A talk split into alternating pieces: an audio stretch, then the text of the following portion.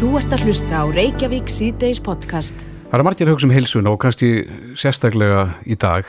Þetta er eh, svona eftir sumarið og þegar fólk er að fara inn í haustið, Já. þá er fólk að reyna að finna sinn takt. Rútínuna og allt það Það er rútínan og, og margir spá í mataræðið, eh, hvað á að setja ofan í sig og síðan samspil reyfingar og annað slíkt. Já, Þetta kemur í svona guðsum. akkurat Svo Það eru í mist föstur eða ketomataræðið og Já. ég veit ekki hvað og hvað þetta heitir allt saman Akkurat. En uh, það er vinkonur, Ragga Nagli og uh, Ástís Ragnar Einarstóttir Grasalegnir. Þar hafa verið að eh, fræða fólk eða ræða við fólk einmitt um þessi mál. Já, Svona þessi tabú og, og mýtur og annað slíkt á þessum svo kvöldu hilsukvöldum. Uh, Ástís Ragnar er á línu, kom til sæl. Komið sælir. Já, það fara margir ánaður út frá ykkur og svona með margar spurningar í, í kollinum, svona um, um einmitt næringu og, og reyfingu og annað slíkt. Akkurat. Þið voru núna síðast á, á Selfossi í gær. Já, Hvernig hefur ykkur verið tekið? bara einstaklega vel. Þetta Já. er bara mjög skemmtileg kvöld og, og gaman í rauninni bara hérna þetta fullt af fólki sem er, er að pæla og, og langar að bæta hilsinu sína með ymsar áðum. Já. Og þú dreifur það svona saman í, í stutt mál. Hvað er það helsta sem við þurfum að hugsa um þegar við erum að, að láta ón í okkur næringu og, og vilja halda heilsusamlu líði Mér finnst í rauninni kannski líkilatur í þessu bara svolítið að finna svolítið sitt mataræði.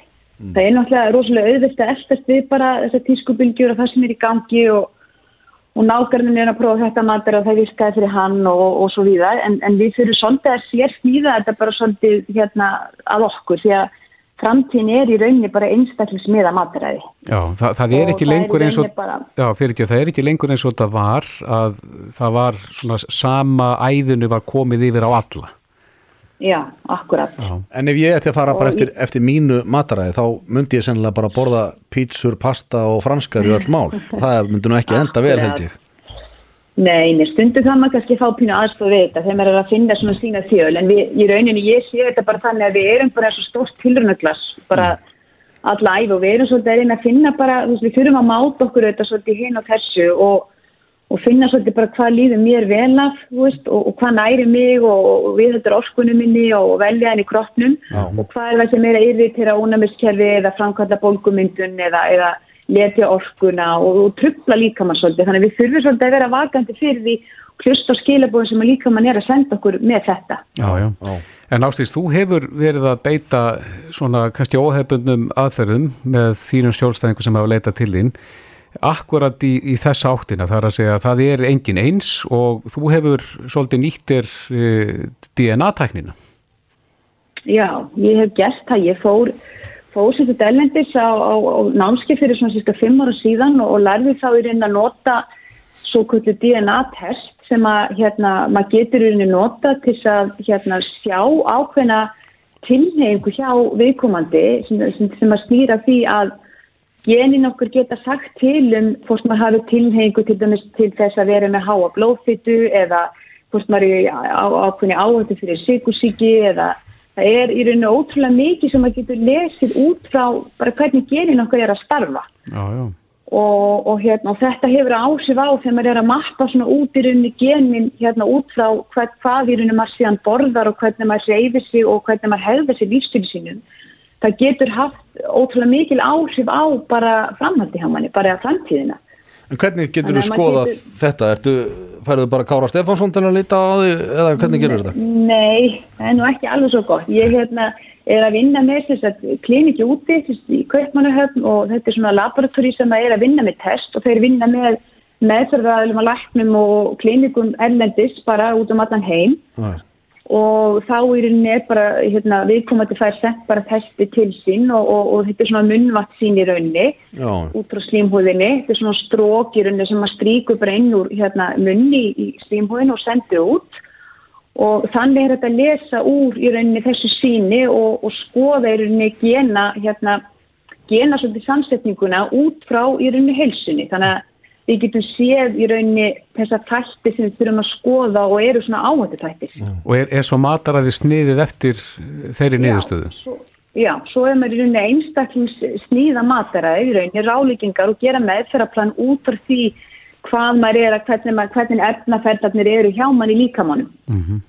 Það er allt þetta að sjá bara í, í, á þessum DNA lestri Já, það er svona gefur manni, þetta er meiri svona eins og leiðarvísir, þetta er náttúrulega, það er ekkert nest í stein í raunni, en þetta er svona leiðir manni ákveðna átt og, og getur svona, þannig að maður sekast aðeins mjög á blaði hvernig maður svolítið eigi að hegða því svolítið gagvast mataræðinu. Já, Og það er til dæmis ef ég gefði kannski eina, eina, hérna, bara eina hugmynda þá er til dæmis eitt gen sem að til dæmis er að koma þarna fram sem að heitir APOE, sem sagt fjórir, sem sagt ákveðin svona hérna tjáning á því og það er ef að viðkomandi er með það gen og þá í rauninni er aukin hætta á, á hérna herri blóðfyttu, herra hérna SDL kólestróli og bara heildar hérna blóðfyttu og þá þarf þessi sami að hérna viðkomandi rauninni að passa sig á eintöku á mettaðri fyttu og má í rauninni ekki vera löðræsi sko í bara mettaðri fyttu allan dag þannig að þessi einstaklingur það myndi henda honum að borða svona svolítið meðrihafsmatara þar sem er að nota ólífólju og,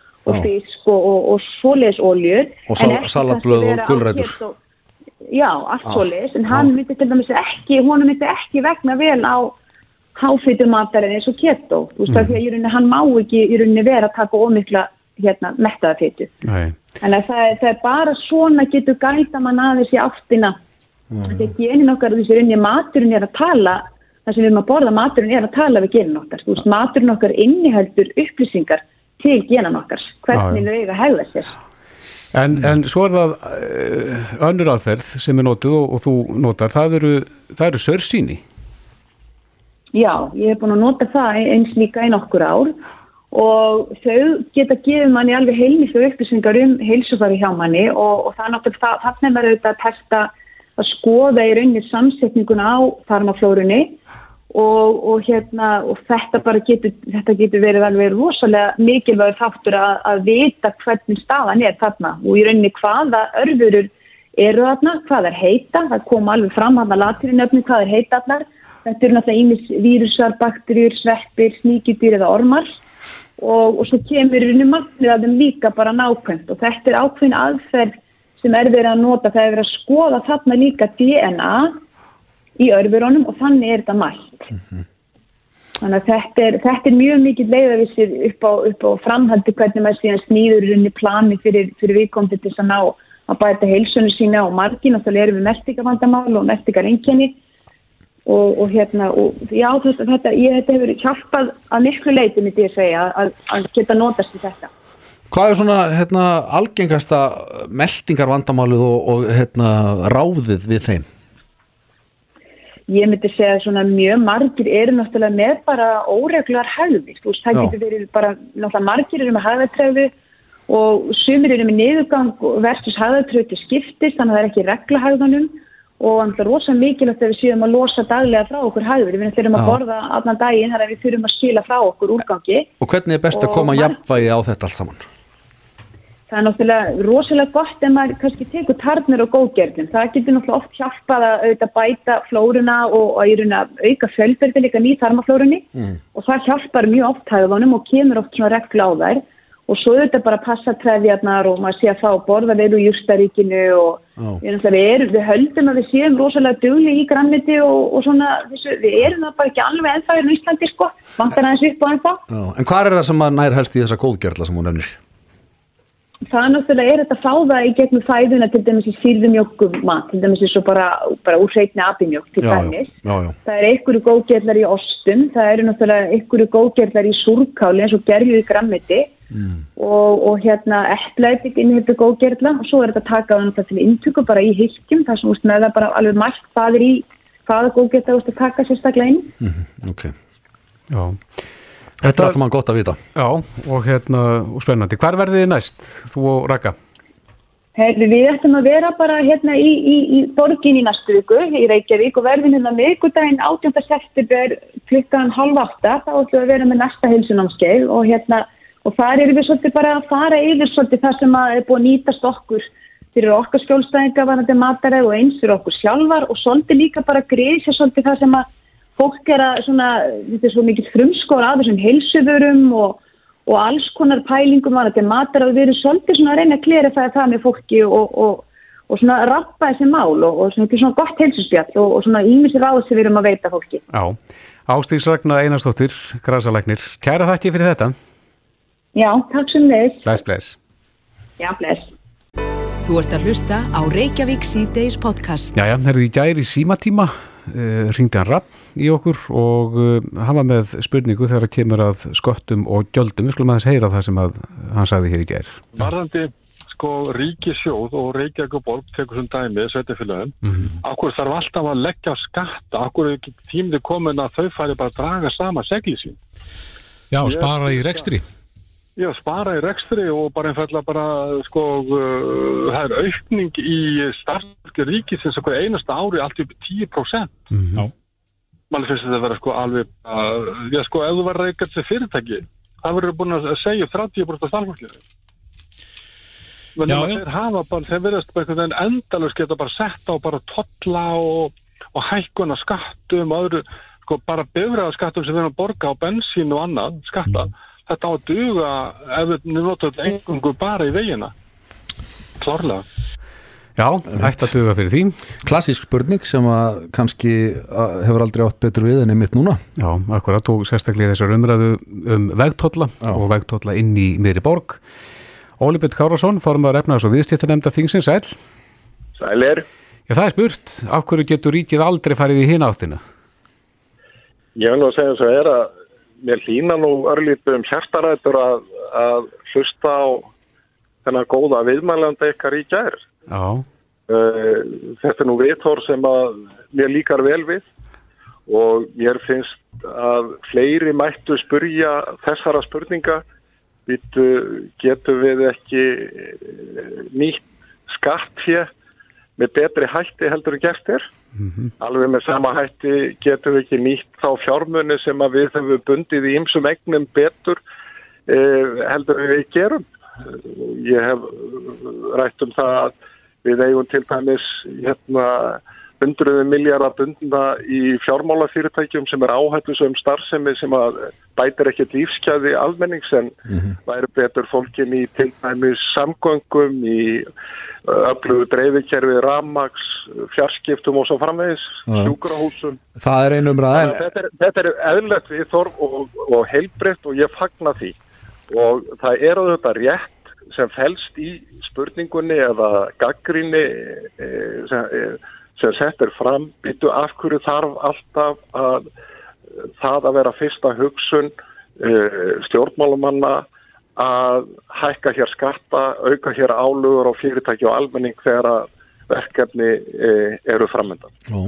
Og er ekki rétt að það sem mann bendir á að, að ef þetta er allt tekið saman þar að segja bifriða og eldnættiskjöld að þá ætti það alveg að, að næja til þess að kofvera eins og sagt er uh, þennan málaflokk sem að hérna, samgöngumálin eru.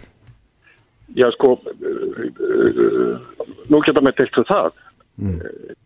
Ég hef- Hvað finnst þér? Já, sko, menn hafa verið líka að leggja saman, sko, tekjur sem að ríkisjóður hefur til dæmis að virðisauka skatti af, af olíu af bílum þegar þeir eru seldur og svo frammiðis og telja að það sé eðlilegt að það fyrir vegi en það er þá hægt með sömur aukum að segja að virðisauka skattur sem fellur til eða ríki fær vegna sölu og sjónvarpum skuli fara í fjarskipti og við endum auðvitað í einhvernum ókungum.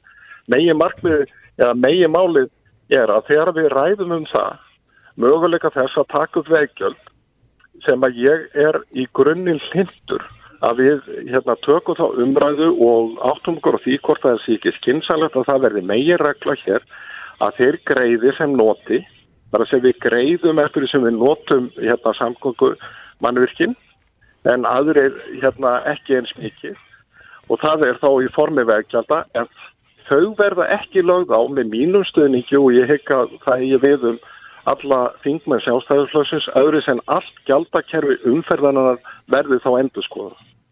Hver, hvernig þá? Hvað, hvað viltu, hvaða breytingu viltu þá sjá á kjærfinu? Var einhver önnur göld tekin af? Veggjöld geta ekki orðið skjól til þess að auka álugur á íslenska bílaeigendur eða þá sem þurfa að nota bíla í sínu daglega lífi. En það, það, það hlýtur þá að þýða að, að, að með veggjöld, tilkomu veggjalda þá hlýtur að sjá fyrir þeirra einhver önnur göld eru þó tekin af á móti. Já, já, ég er að segja það að, að það, það hlýtur að leiða í sjálfuð sér mm. að því vegna þess að ég er ekki, ég, ég, ég stið það megin hugsun að taka innlega hér veggjöld þannig að menn greiði eftir því sem er nota hér samgöngumannverkin oh. en það er ekki til þess að mynda skjól e, fyrir hérna, okkur stjórnmálumenna til að auka álugur á umfæð. Og fyrir viðbótar innkomu ríkisins. Nei. Þetta er Reykjavík C-Days podcast. Það er fyrst þegar þú hefur líka í huga að við erum auðvitað með hundruðu miljardar sem eru bundnir í öðrum eignum heldur en þeir ætti að vera í og nýtast almenningi betur í öðru, svo sem eins og í samgöngum. Og þar vitna ég til dæmis í fjármálafyrirtækja, það eru líka fleiri eignir. En eru, þegar það kemur að þessum veggjöldum og hérna, að taka önnur gjöld niður á móti, eru þá uh, samflokksmenn þínir sammálaðir, til dæmis Jón Gunnarsson í samgöngunemdini uh, sammála þessu? Já, ég hygg að nú er best að ég sé ekki að tala fyrir aðra en Þannig. þetta er hérna, megin sjóna með hérna, allara þingmanna sjálfstæðarflóksins hittu svona mál að það kemur auðvitað og hafa verið þetta hugmyndir að það eigi e, hugsalega við að við einstakar framkvæmt e, eins og til dæmis e, e, göng, við horfum til svona kvalfjörðagöng, mm. að það sé réttvægt að innhemta sérstök veðkjöld vegna þeirra en þau falli nýður þegar að búið er að greiða fyrir þá framkvæmt mm -hmm. sem er auðvitað önnur hugsun. Já, en, en Óli, þá er það hinn ángin af spurningunni, það er með ríkið sem að tútnar út. Já. Uh, og eins og hann segir að ef að þetta væri enga fyrirtæki þá væri búið að segja upp 30% starfsmannum hvað hérna uh, af hverju er þessi tilheng hjá ríkinu að, að belgjast út og, og enginn til að spórna við? Og líka þegar að hérna, sjálfstæðarflokkurinn er í stjórn. Já, já, ég ekki að þegar þú horfir yfir að þá ættu nú kannski ekki bara að tala um ríki þetta er nú líka við um hérna stór sveitafélög sko. Já, já. og þá ekki um hérna Reykjavík Þannig að umsett þessi er að stöðast á aukast og við gleymum oft hérna, því þegar við ræðum um umsett hins opera þá erum við alltaf að tala um ríkið en gleymum því að það er eitt hérna, stærsta sveitafélagi sem þess hér næstu því stjórnlaust. Þetta er rétt. Ég hef verið hérna, reynd að stíga á bremsuna, stundum frekar máttlítið, stundum án árangurs en það hefur þó hérna, drópin hólasteinu og ég minni bara á við verður þó að hafa í huga að það skiptir máli í hvað liggur að baki útgjald að aukningu ríkisins. Uh, eins og til dæmis að það hafa 10 miljardar aukning er 10 miljardar aukning í almannatryggingar til greiðslu örgubóta og til ellilífurins eldriborgar á síðust árum ætla mér að gera aðtóðasendi þannig líklegast ekki, við erum frekka gaggrindi fyrir að gera ekki um nægilega mikið. Já, en það er nú verið að tala um eftirritskerfið allt saman líka að, að hérna... Já, ég hygg nú, nú að hérna þið munir nú glæðjast eh, á komandi vikum þegar að Kristján Þór uh, Júliusson uh, Sjárótsson landbúnaðar á þeirra kynir uh, það er aðgerið sem hann er með á prjónum í þeim efnum að einfalda regluverkið fleia út óþorfa og svo framvegis og hann myndist í rauninni á það og fór stuttlega yfir það í ræðu sem hann flutti í umræðum um stefnuröðu fórsettusfaraðara núni vikunni. Já. Og það var einstaklega gleðilegt fyrir sérstaklega sjálfstæða aturreikundur og bændur að hlusta á það ræðu. Mm. En, en Óli, þú sagðir að þú varir svolítið eiland þarna á þingi Þegar, að kemur að því að ræða þessa hluti eins og með bákni burt Nei, nei, er, ég er ekki eini maður en. Nei, en, býtu, en það er eins og frosti bent á að, að báknið hefur þanist út á vakt sjálfstæðismanna mm. Erst þú sá eini í sjálfstæðarfloknum sem að, sem að tala þessu máli? Hefur, hefur af þessu áhyggjur? Nei, nei, nei, en sko ég, aftur ítrykkaði ég það við, hérna, eitt er sko ég, við þurfum að gera greina mun á því. Það kunna vera verið réttlæting fyrir að auka útgjöld ríkisins á ákunnum sviðum.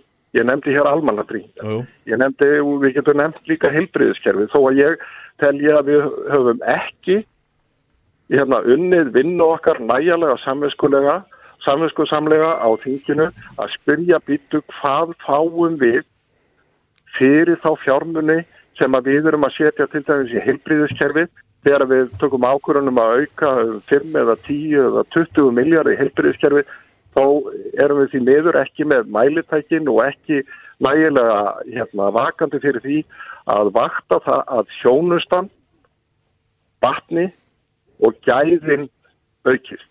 Já. Verðum að setja punktin hér. Þess vegna er svo gleðilegt fyrir mann að heyra svona viðþór. Vegna að þetta finnst mér helbriðt viðþór og þetta hjálpar og það herði mann. Mm -hmm. Já, Óli Björn Karlsson, formadur efnars og viðstýttanemnda þingsins. Kæra þakki fyrir þetta. Takk hjálpa. Hlustaðu hvena sem er á Reykjavík C-Days podcast. Já, við höfum uh, heyrt að því frá úr fleirin einni áttinni mm -hmm. að, að uh, hundahald og hundamál í Reykjavíkuborg séu að mati margra í einhverjum ólestri. Já, að hvað leiti? Uh, já, það er nú það. Um, ég held að hún geti svaraði betur. Hún uh, Guðfinna Kristinsdóttir sem að er einn af stopnendum hundasafélagsins á, á Facebook og reyndar félagi eða stjórnarmeðlumur í, í félagi ábyrgra hundaeganda, hún er á línunni, Sælur Blestu Guðfinna. Það er Uh, já, það er þetta sem við heyrum að, að þið, þið eru að gaggrina eitt og annað er kemur að hundahaldi í Reykjavíkuborg Já. Hva, hvað er það svona helst sem að uh, ykkur hundaegundum svíður? Um, þetta er í rauninni bara orðið úrælt kerfi. Það er þannig að þú borgar 20.000 í skráningagjald og 19.000 ári eftir það fyrir að halda hundi Reykjavík. Já og þú verðist ekki fá neitt pening eða ekki neitt fyrir enn pening. Hvað á að vera innifælið í þeim pening? Uh, samkvæmt hundasamþygt þá þessi, þessi gjöld að fara í það að reyka þessa, hérna, þessa stefnu, hundasamþygtina mm -hmm. og það verðist vera að Reykjavík borg vilji bara tólka þetta þannig að þetta sé bannskildi og laun fyrir hérna, hunda eftirlitsmennina. Ega vera inn í þessum fjármönum staðsetninga þar sem staðir fyrir hundaegundi til að koma með hundana eins og hundagerði og annað slíkt? Það er einmitt það sem að hefur svolítið verið umdelt. Það er til dæmis í borganessi þá að setja upp hundasvæði sem að var tekið í gegnum hundaleifiskjöldin.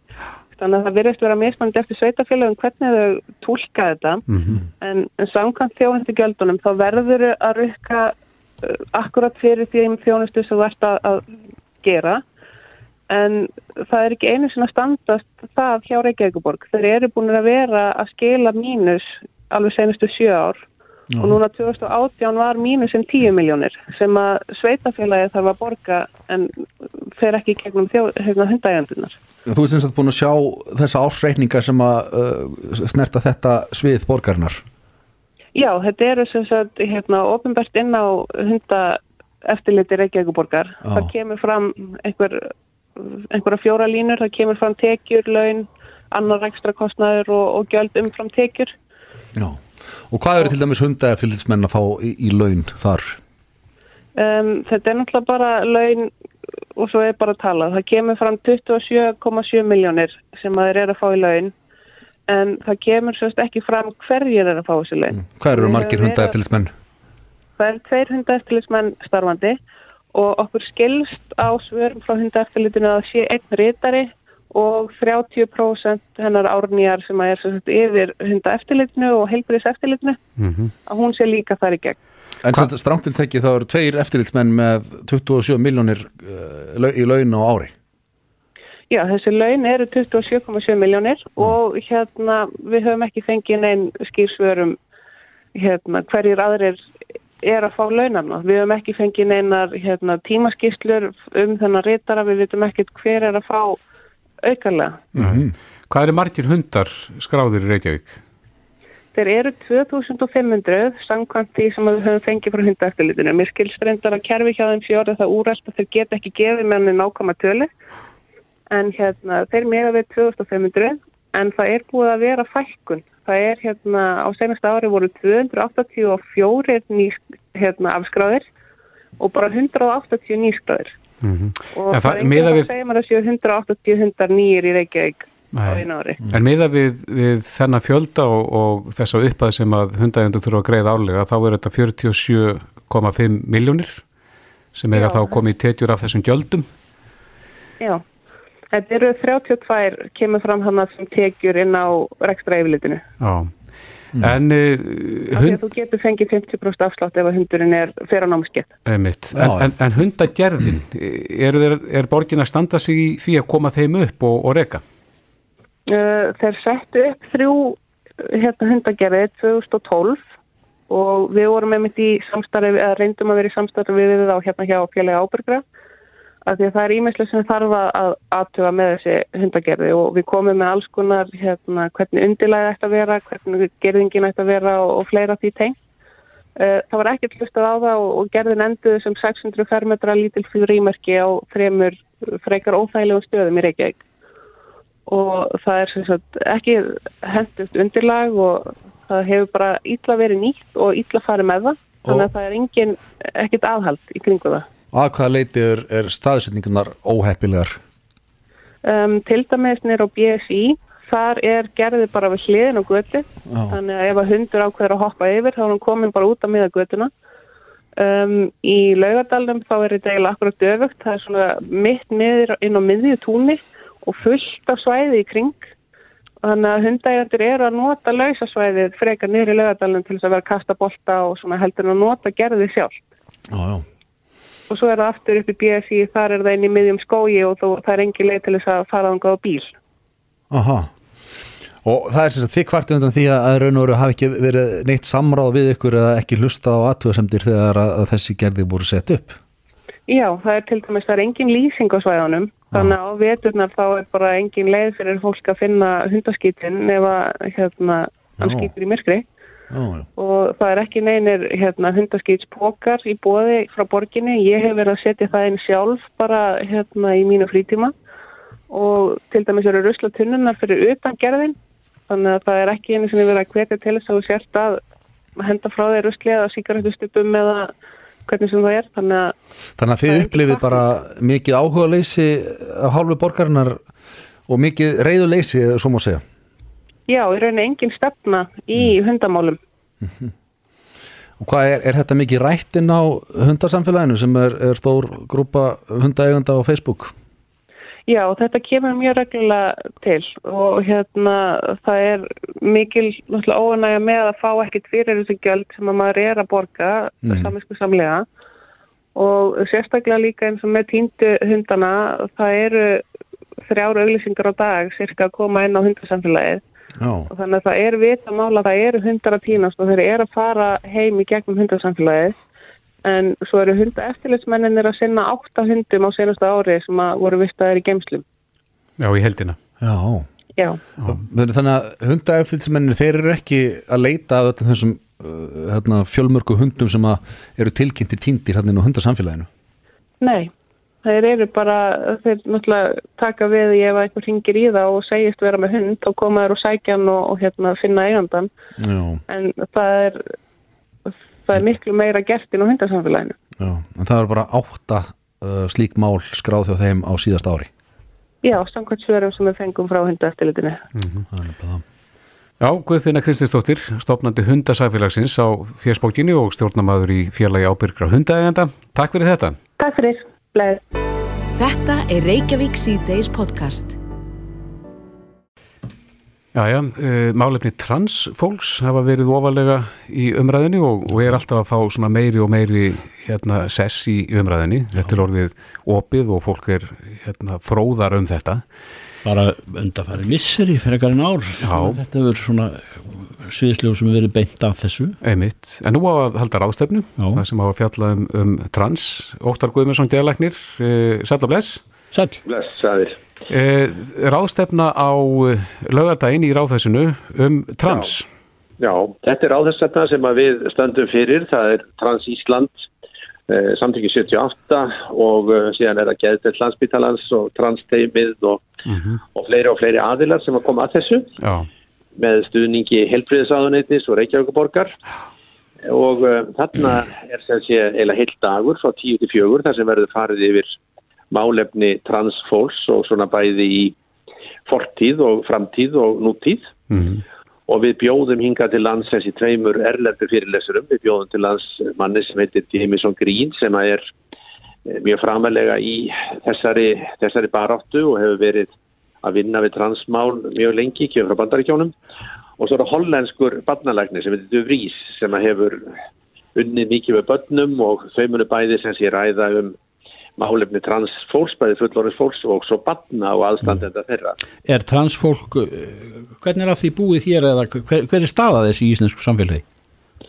Mér finnst að þessi íslensku samfélagi vera góð. Mm. Það er alveg ótrúlega, ég er nú búin að vinna í þessu í 20 ár og það er náttúrulega ótrúlega mikla framfæri sem hafa orðið og bara algjör vitundarvakning og, og uh, þetta er ekki einhver uh, svona minnilutahópur sem er hleyða lengur, þetta er fólk sem að nýtur fullrar virðingar og ég held að það sé óvíða sem að uh, er komið fram með transfólks af jafnvíli virðingu og hér. Já, líður transfólki betur í, í dag í íslensku samfélagi heldur náður? Já, já, já, já, mikið, mikið betur. Það er alveg ólíku þar saman að jafna og það er náttúrulega mjög gott vegna þess að transfólki fjölgar mjög mikið það er gríðarlega hröð fjölgun í þessum hópi og, og uh, svona aðrir hópar sem hafa komið og þetta er allt an, annar, annar hópur og aðrir einstaklingar sem að koma nú til meðferðar eða koma nú til svona greiningar og meðferðar síðan áfram heldur en þegar ég byrjaði 1997. Mm -hmm. Já, sem að ekki hafa þórað stígan eitt skref í þessum efnum svona svo ágerandi síðan. Já, ekki ef að þórað eða, eða sko þetta mm. er náttúrulega þetta er breyttur hópur, það er núna um alla Evrópu, þá er þetta eru mikið yngri einstaklingar sem koma þetta eru bæði börn og síðan yngri einstaklingar og svo mikið sem sé af uh, ungum transmönnum, það er að segja mm. biológiskum konum sem koma fram og það hefur gjör breyst, þegar ég var að byrja í þessu þá voru fimm biológiski kallmenn á móti hverju einni konu en núna er þetta orðin alveg jöfn kynjaskipting, þannig að þetta hefur breyst viðjarlega mikið. Já, já, en þetta er vantilega heilant ferli þar að segja að, að fólk tekur þetta ákverðin í dag og er komið aðgerða morgun. Nei, nei, nei, nei, þetta er langt ferli og fólk er lengi að átta sig á því hvað að er og átta sig á þessum kynama sem venilega er fyrir hendi, þar að segja þessari, þessu ósætti eða þessu svona, þessum, eh, þessum, eh, þessari vannlíðan sem tengist eigin kyni og, og kynvitund mm -hmm. og það tekur langan tíma að átta sig á því og að greina sig sjálfur og síðan þarf að fólk að leita til teimisins og þar fer fram ákveðin greiningar vinna og viðtöl og síðan er það hormóna meðferð og þannig að fólk er sé mjög laungu ferli áður en fyrir aðgerð. Já, hefur, er ykkur þekkt dæmum það að, að fólk hafi verið byrjað í ferlinu en síðan hægt við? Já, já. Við erum með svona 15% brottfall, það er að segja 15% af þeim sem byrja hjá okkur þeir hætta við af einhverjum ástæðum. Já, veistu mm. hverjar ástæðunar eru helstar? Það er nú bara oftast þannig að fólk bara kannski átta sig á því að þetta var kannski ekki það sem ég var að sækjast eftir og mm -hmm. mér líður ekki nógu mikið betur af þessari hormonumeðferð til mm. þess að réttlæta það að ég vilji halda áfram í henni. Er og þetta hormonumeðferð bara fyrir lífstíð þá? Hormonumeðferð er fyrir lífstíð, já. Ah. Mm. Og það skiptir rosalega miklu málið að allir átti sig á því að þeir geta hvena sem er snúið við og, og, og hætt við og það er enginn sem að skuldbindur sig til einst en eins. Já. En ofta maður hefur heilt sko í setni tíð eh, bara allra setni, síðustu vikur og mánuði að, að, að meðal ljónin er að heyra af því að, að, að, að börn eiga í hlut og ekki datua eftir það. En, en hvenar er það sem að það verður, nú er maður að börnin eru reynskiptin og, og það er allt í, allt í lægi þar til kemur að kynþróska aldrei eða er það eitthvað sem að e, þar er einhver vegamót eða hvað? Það eru mikil vegamót um kynþróska þess að þeir sem eru með verulegan svona kynama eða hafa mikinn ama af eigin kynfærum og kynengjönum að það verður mikið verra um kynþróskan þegar allt saman fyrir að stækka og, og, og breytast. Þannig að síðan erum við með náttúrulega ákveðin hóp þar að segja börn sem að, sem að upplifa það að þau séu í vittlösi kyni og það er náttúrulega alveg nýr hópur sem var ekki til að dreifa þegar ég var að byrja 1997 mm og núna erum við alveg búin að búa til þess að teimi í kringum börnin, það er ákveð teimi á barnúlingagætildinni og þar eru læknir og hjókunarfræðingar og sálfræðingar sem starfa og, og vinna þá greiningavinnu og mm. svo náttúrulega eru við með fullorðins hópin, þannig að þetta er svona það er ágætlega búið að þessum hópi hér á Íslandi. Já, Já, þannig að þetta er fara að færa sneðar í aldri. já, já. Já. En ráðstefna verður segur í Ráðhúsinu á lögadaginn hvenar byrjiði Byrja klokkan tíu og verður fram eftir degi. og fyrir hvern er þetta Alla. sem vilja fræðast um þessi mál? Já, já, alla sýndarfræðastöð. Alla Óttar- velkomnir. Já, Óttar Guðmundsson, djæðlagnir Takk fyrir á þetta, landsbytalanum, kæra þakkir. Takk þér. Takk fyrir. Reykjavík síðdeis á Bilginni podcast. Já, það hefur vantalega ekki farið fram hjá neinum sem að ekkur gömlu ringbröðina til mótsu landsbítalana eða þar og að þar fyrir neðan hefur risið heilmikil byggð á, á skömmum tíma. Þetta er hlýðarenda byggðin. Já, ég segi sem valsmaður að þetta er fallegasta svæði landsins, Já, sem er segja það. hlýðarendin. En, en það eru greinilega margar íbúður í byggingu þarna og, og maður velti fyrir sér hvernig, hvernig staðan er á þessu. Sjáum reyndar fréttir af því núna að það verist byrja vel salan. Um, þeir sem að, er að selja þarna íbúðir uh, sendu frá sér tilkynningum um það í morgun að, að, að margar íbúður eru farnar á fyrstu tíu dögum. Uh, Sigurður Lárus Holm er frangandastjóri hlýðarfótar sem að stendur að uppbyggingu þarna. Sæll og blessaður Sigurður. Já, komið sælir. Segðu okkur aðeins, hvernig, hvernig er staðan á, á sölu íbúða þarna í, á þessu svæði sem er að byggjast svo hratt upp? Jú, þarna eins og, eins og varst að nefna, þá eru þarna er hlýðafótur að byggja upp uh, á einni lóð á þessu svæði. Mm. Alls 191 íbúð Mm. og við höfum verið að vega það að meta meðal annars út frá stöðu fastegna markaðarins hvenar við myndum setja í sölu. Eitt. En afriðum það að setja þetta í sölu núna og það verður að segjast eins og er að uh, viðbröðum kom okkur óvart. Þannig að eh, fólk er að kaupa þessar íbúður óséðar að við ekki neina íbúð til að sína. Við erum ekki komið síningar íbúða en þá. Er, er, að sem við getum sínt fólki er, er teikningar, endar mjög vandaða teikningar. Það er búið að detail hanna nánast allar íbúður með til, til innrýstinga og svo framvegis. Mhm. En það er rétt hjá þér. Uh, það, við erum ekki með síningar íbúð og þrátt fyrir það höfum við á undanfarnum tæp, tæpiri viku eða tíu dögum selt já, nánast uh, 23 árið eða þriðjung af þeim íbúðum sem við settum í sölu. Núna bara á fyrstu tíu dögunum. Já, núna á fyrstu, fyrstu tíu dögunum. Já, er, er þetta allt valsarar sem er að kaupa? Nei, nei, nei, hlýðafótur hefur í sjálf sér ekkert með knastunni félagi val að gera. Þetta er, er bara félag sem er utan um eina lóð þarna og er að byggja á, á hlýðarenda svæði. Já.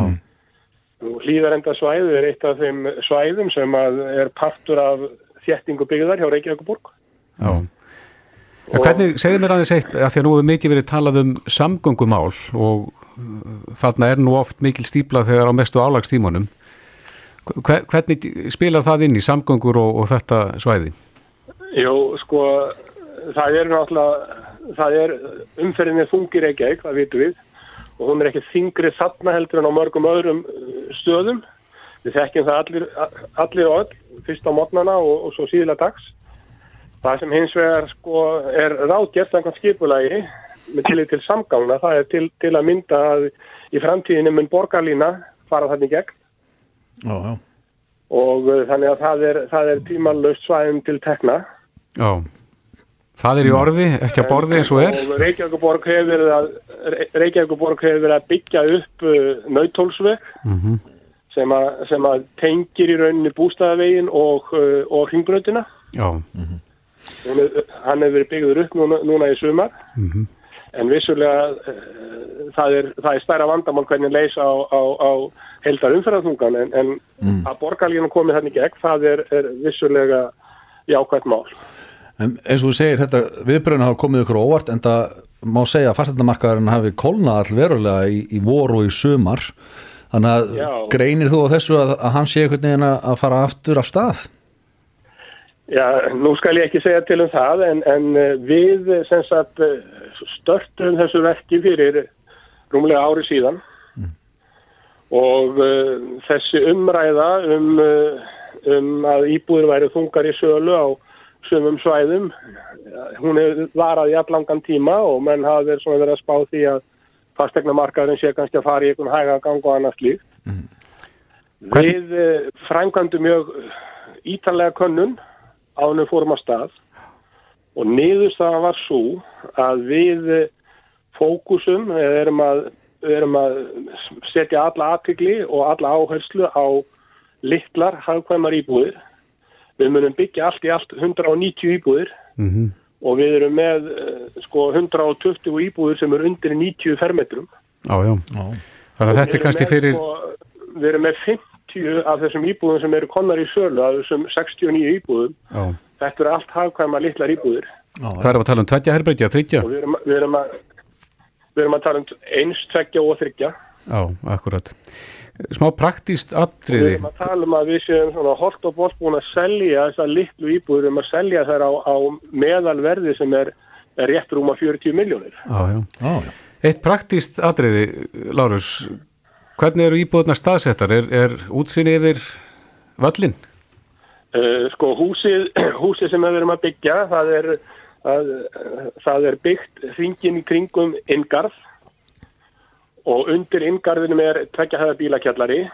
Þannig að við erum með uh, austur, vestur, norður og söður hlið á húsinu. Þetta eru alls 11 stigagangar. Já, og er í rauninni sko sjálfstæð hús, þetta er í rauninni 6 til 7 sjálfstæð hús útlít, útlýtslega eru þau brotin þannig upp og eru einhverjar íbúðuna með útsinni yfir valsvöllin? við erum með, við erum með útsýni til dæmis eh, til norðurs yfir ringbrautuna, yfir Hallgrímskirkju upp að Esjunni og þanga, það er öll norður hliðin En það er ekki að fylgjast með leiknum í, í Pepsi Max-dildinni Nei, þú nærð ekki að sjá uh, hvorki stöngin inn eða út Nei. frá þessu Það að, en, en þú færð hins vegar sjónarhótt sem er alveg frá því að vera skerjafjörðurinn og nánast í, í 360 gráður. já, já. Það hljóma vel. Spennandi að heyra þetta og hérna, verður frólægt að fylgjast áfram með Sigurður Lárus Hólm, frangandastjóri Hlíðarfótar Við þökkuðu kjærlega fyrir spjallið Já, þakka þér.